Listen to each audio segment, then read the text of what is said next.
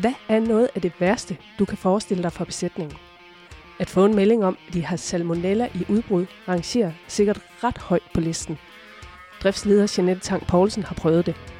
I denne episode af Kvælyt fortæller hun, hvordan det var, og løfter sløret for, hvordan hun taktede situationen, så alle medarbejdere blev, selvom de af og til havde lyst til det modsatte.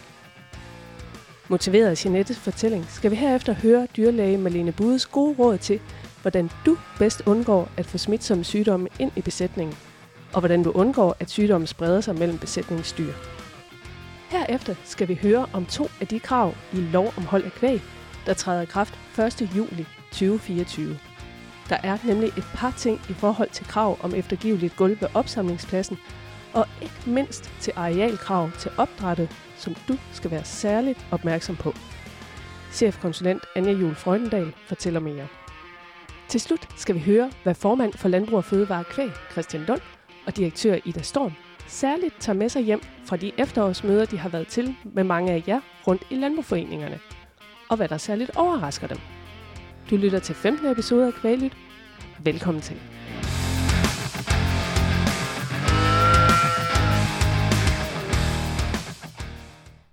Jeanette Tang Poulsen, du er driftsleder og kalveansvarlig på bedriften øh, Vestermark i Thy, hvor I har ca. 900 køer med opdræt. Og Jeanette, hvad var det, der skete hos jer sidste efterår? Jamen øh, sidste efterår, der øh, så vi lige pludselig en meget voldsom stigning af lungebetændelser ved vores små kalde. Og øh, der satte vi ind med en hel masse forskellige ting øh, frem og tilbage. Vi var i forvejen meget konsekvente i forhold til vores behandlinger, så det var ikke, fordi vi mistede ret mange kalde. Men øh, på trods af alle de her øh, øh, ting, vi så ligesom satte ind med, så gjorde det ikke rigtig nogen forskel for os.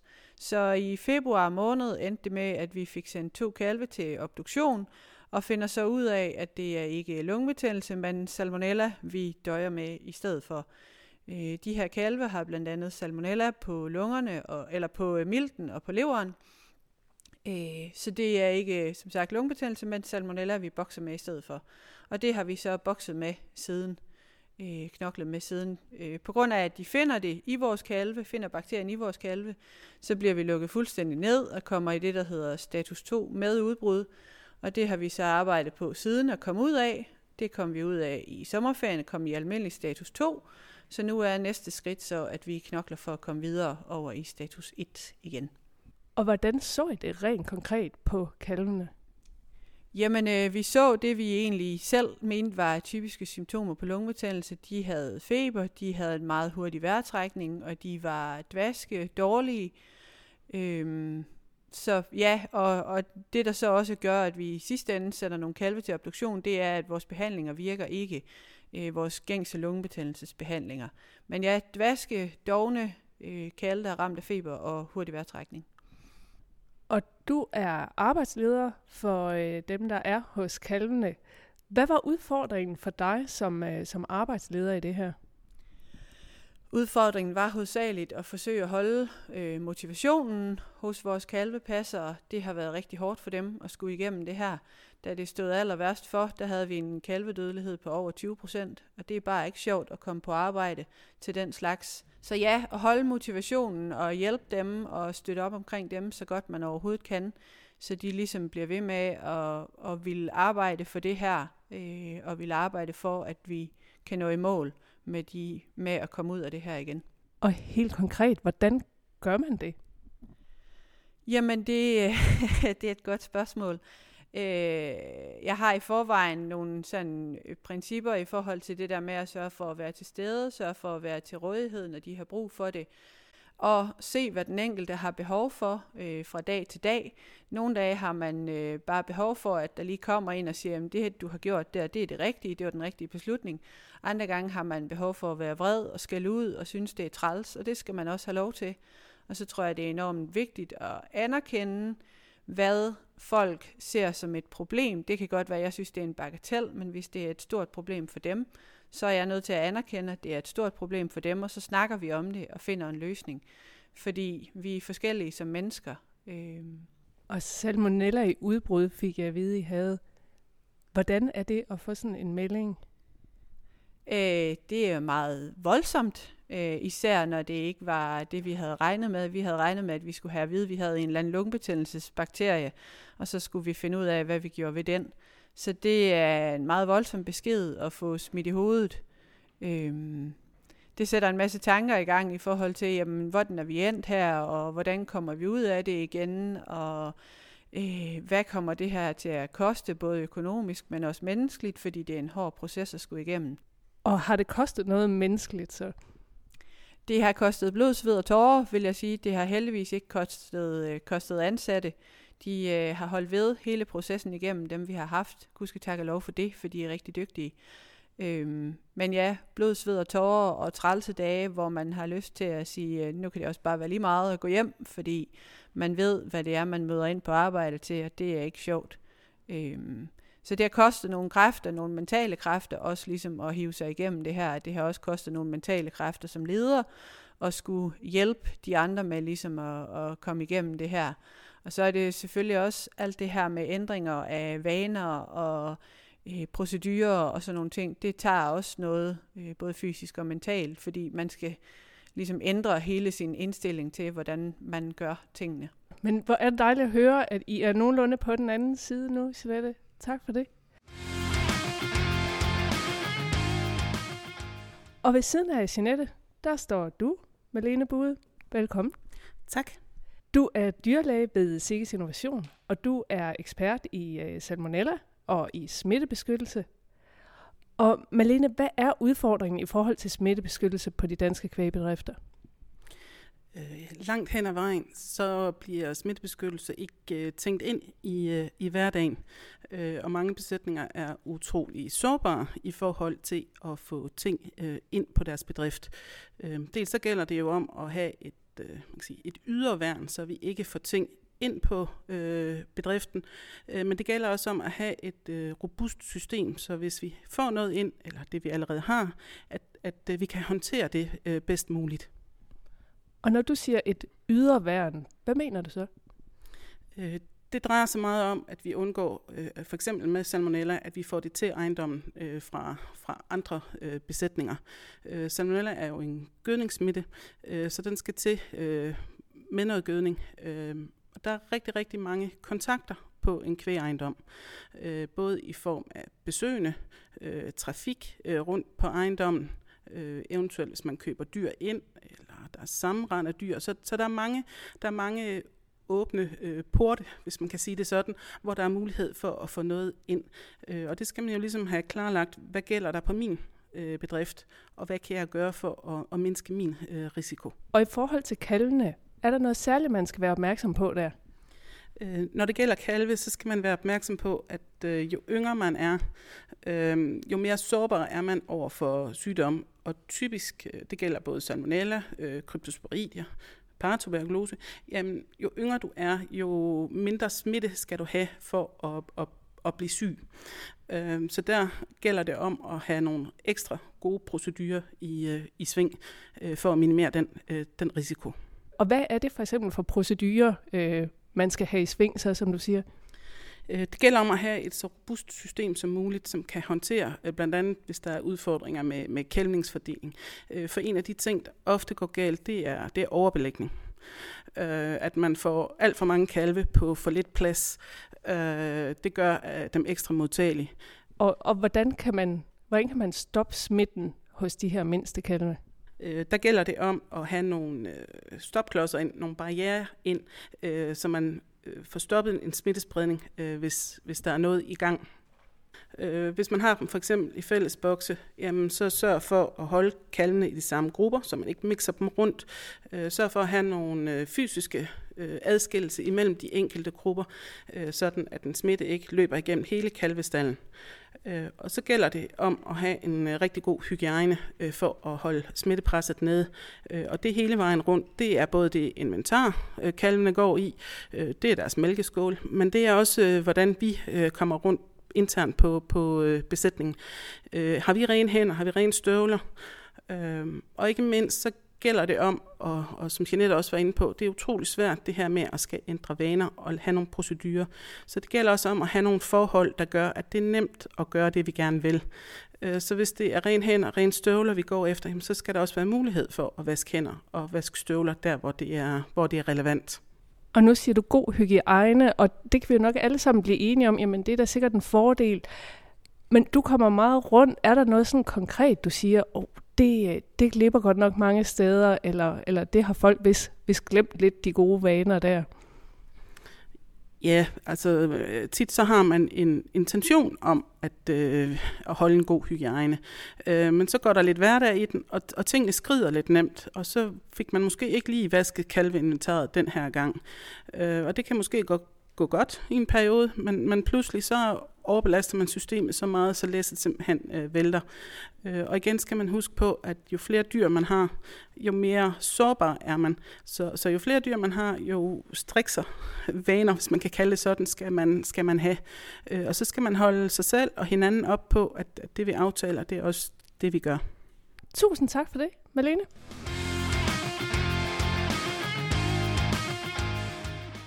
Velkommen til dig, Anja Jule Freudendal. Tak. Du er chefkonsulent på Sikkes Innovation og ekspert inden for kvægstal.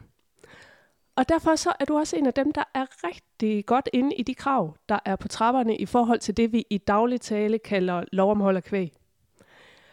1. juli 2024, det er den næste skæringsdato, hvor der træder rigtig mange krav øh, i kraft. Og jeg ved, at der særligt er to af dem, som du øh, gerne vil knytte et par øh, kommentarer til. Den første, det er den her med, at der kommer arealkrav til øh, ungdyr den 1. juli 2024. Og hvorfor er det, det er øh, vigtigt at snakke om det? Jamen, øh, jeg synes, det er rigtig vigtigt at snakke om, fordi vi har snakket rigtig meget om kælvingsafdelinger, hvor mange kælvingsbokse er det, vi skal have. Vi har snakket om sygebokse, vi har snakket om vandkar. Alt, altså alle mulige ting, der træder i kraft her til sommer 24. Men der er jo også andre krav, og nogle af kravene, de rammer vores opdræt og vores kalve, og dem har vi måske ikke fået nævnt så meget. Så lige netop det her omkring arealkrav til vores ungdyr og vores øh, opdræt i strøget bokse, synes jeg fortjener lige lidt opmærksomhed. Og, og det er fuldstændig oplagt, at man sikkert sidder og tænker på, det er, jamen hvad er arealkravet så? Kan du svare på det? Ja, det kan jeg. Men, men det er sådan, at arealkravet til ungdyr, der har vi det delt dem op i grupper af 100 kilos klasser, og det vil sige, at der er rigtig, rigtig mange krav. Så jeg vil egentlig anbefale, at man går ind og kigger ind på Landbrugsinfo, og ser inden for de forskellige kategorier, hvad er det så for nogle krav, der lige omfatter de dyr, jeg har gående. Men det jeg kan sige, det er, at der er ligesom tre sådan overordnede kategorier. Dels så har vi, altså hvis man har fuld strøelse i hele boksen, eller hvis man har fuld strøelse i noget af arealet, og så har man en fast ædeplads. Der er ligesom forskellige krav, alt afhængig af, hvad bokstype det er, man har. Og det skal man lige være opmærksom på, når man går ind og kigger kravene. Er der ellers noget, man øh, særligt skal hæfte sig ved i forhold til det her med arealkravene til, til unge dyr? Som udgangspunkt passer arealkravene nok nogenlunde til det, man har ude i stallene. Fordi øh, det er sådan med dyr på dybstrøelse, at putter vi for mange dyr ind, jamen så bruger vi rigtig, rigtig meget halm. Øhm, men der er lige omkring måske øh, jersikallene, altså de små kalde. Det er sådan, at de her arealkrav, det er for opdræt, det når man bliver 6 måneder gammel. Og det første arealkrav, det er så fra 6 måneder gammel, indtil man er 200 kilo. Det er man hurtigt, når man er en stor ras, men det tager lidt længere tid, når man er jersi. Så har man jersi opdræt, så skulle man måske lige måle en ekstra gang ekstra. Og det er så arealkrav til øh, opdrættet. Hvad med arealkrav til køerne? Der kommer også arealkrav til køerne i deres dybstrøelsesbokse til de malkende køer osv., men det træder først i kraft i 2034 for de eksisterende anlæg, altså anlæg taget i brug før 2010. Vi har et enkelt lille område, og det er selvfølgelig vores kælving og vores goldkøer sidst i drægtigheden. Der har vi også arealkrav, som kommer her i 24. Men ellers er der lidt længere tid at løbe på. Det er der. Et af de andre øh, krav, som træder i kraft her til 1. juli, du har nævnt, det er det her med eftergiveligt gulv ved øh, opsamlingspladsen. Og det er fordi, jeg ved, det har givet anledning til, at din telefon den måske har ringet øh, lidt mere end sædvanligt. Hvad er det, mælkeproducenterne de er i tvivl om i forhold til det her med eftergiveligt gulv på opsamlingsplads? Det er særligt, hvor er det, vi skal lægge det her gummigulv, og hvor stort skal området være? Og man kan sige, at det område, man skal lægge gummigulv på, det er det område, man samler køerne sammen inden malkning. Og ja, det gælder også, hvis man malker med robotter, så er det det område, køerne står og venter, øh, inden de kommer i robotterne. Der skal der også være eftergiveligt underlag. Hvad så, hvis køerne de bare står i gangen? Du må også gerne samle dine køer op mellem sengebåsene, så skal der gummigulv på gangarealet mellem sengebåsene. Og du siger gummigulv, det er simpelthen fordi eftergiveligt gulv, det er gummigulv. Det er det indtil nu, ja. Godt. Og altså, der er jo øh, der er flere end 10 øh, krav, der træder i kraft her til øh, 1. juli 2024, og det er jo både inden for øh, køer, men også inden for øh, opdræt. Og som du også sagde, så kan man finde øh, meget mere om det inde på øh, landbrugsinfo.dk, hvis man søger på lov om hold af malkekvæg. Det er fuldstændig rigtigt. Og ellers er man altid velkommen til at skrive eller ringe. Tak for det, Anja. Selv tak. Velkommen til jer. Ida Storm, direktør for Landbrug og Fødevaresektor Kvæg, og Christian Lund, formand for øh, Landbrug og Fødevaresektor Kvæg. Ida og Christian, I er jo på roadshow for tiden. Det er nemlig sæson for de her årlige dialogmøder, som rigtig mange af landbrugforeningerne arrangerer, og som I rigtig gerne deltager i. Og på de her dialogmøder, der øh, giver I en opdatering på, hvad der sker i kvægsektoren, både fagligt og politisk. Og hvad fylder ude ved kvægbrugerne?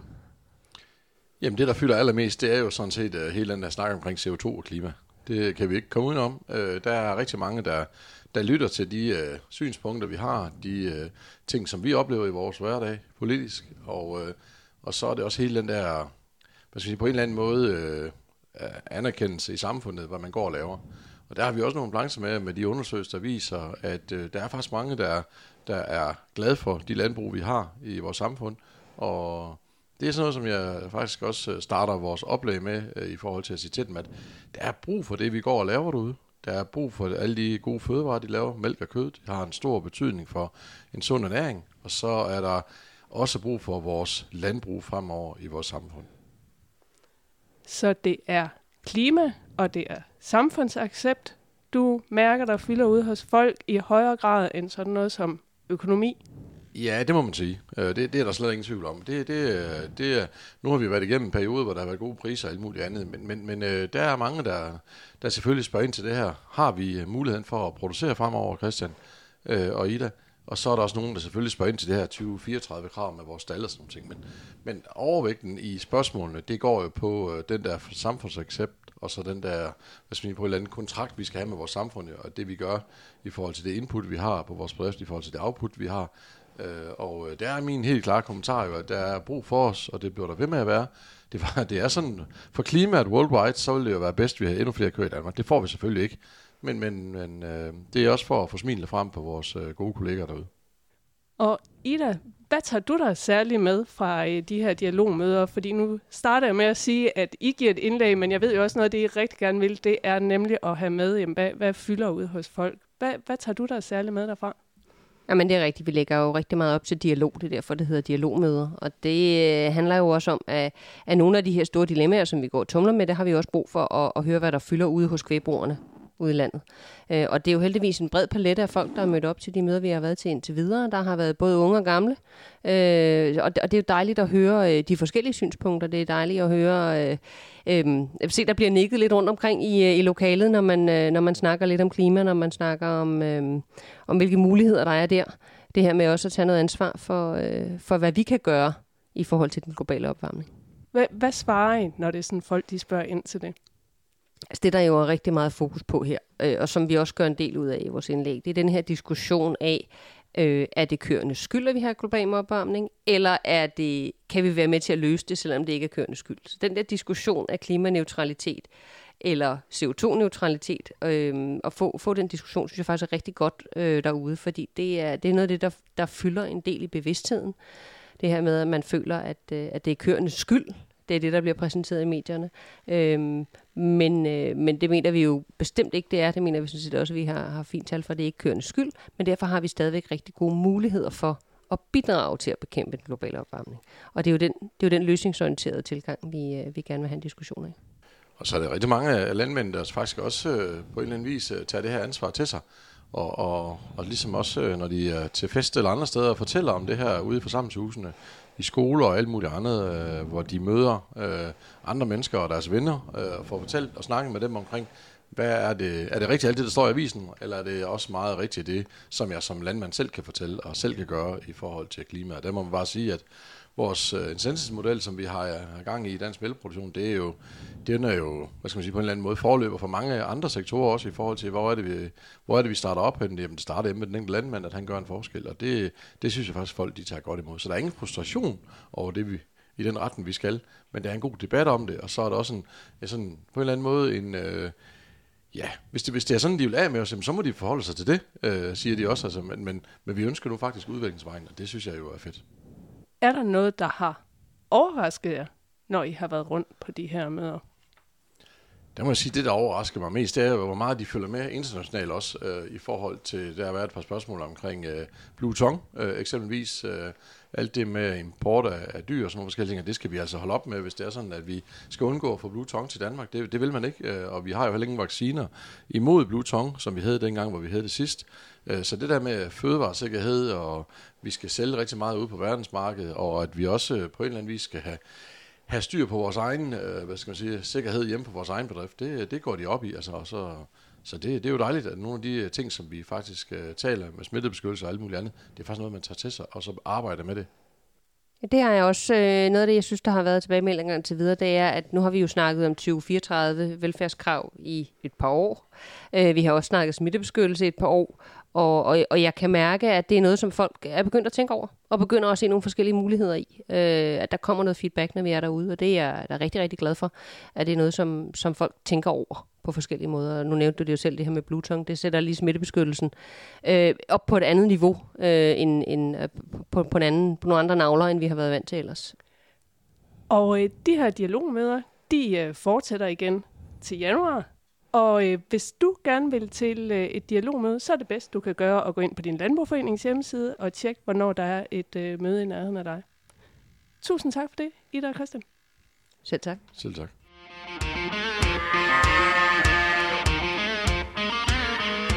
Det var, hvad vi havde valgt at bringe i kvælet denne gang.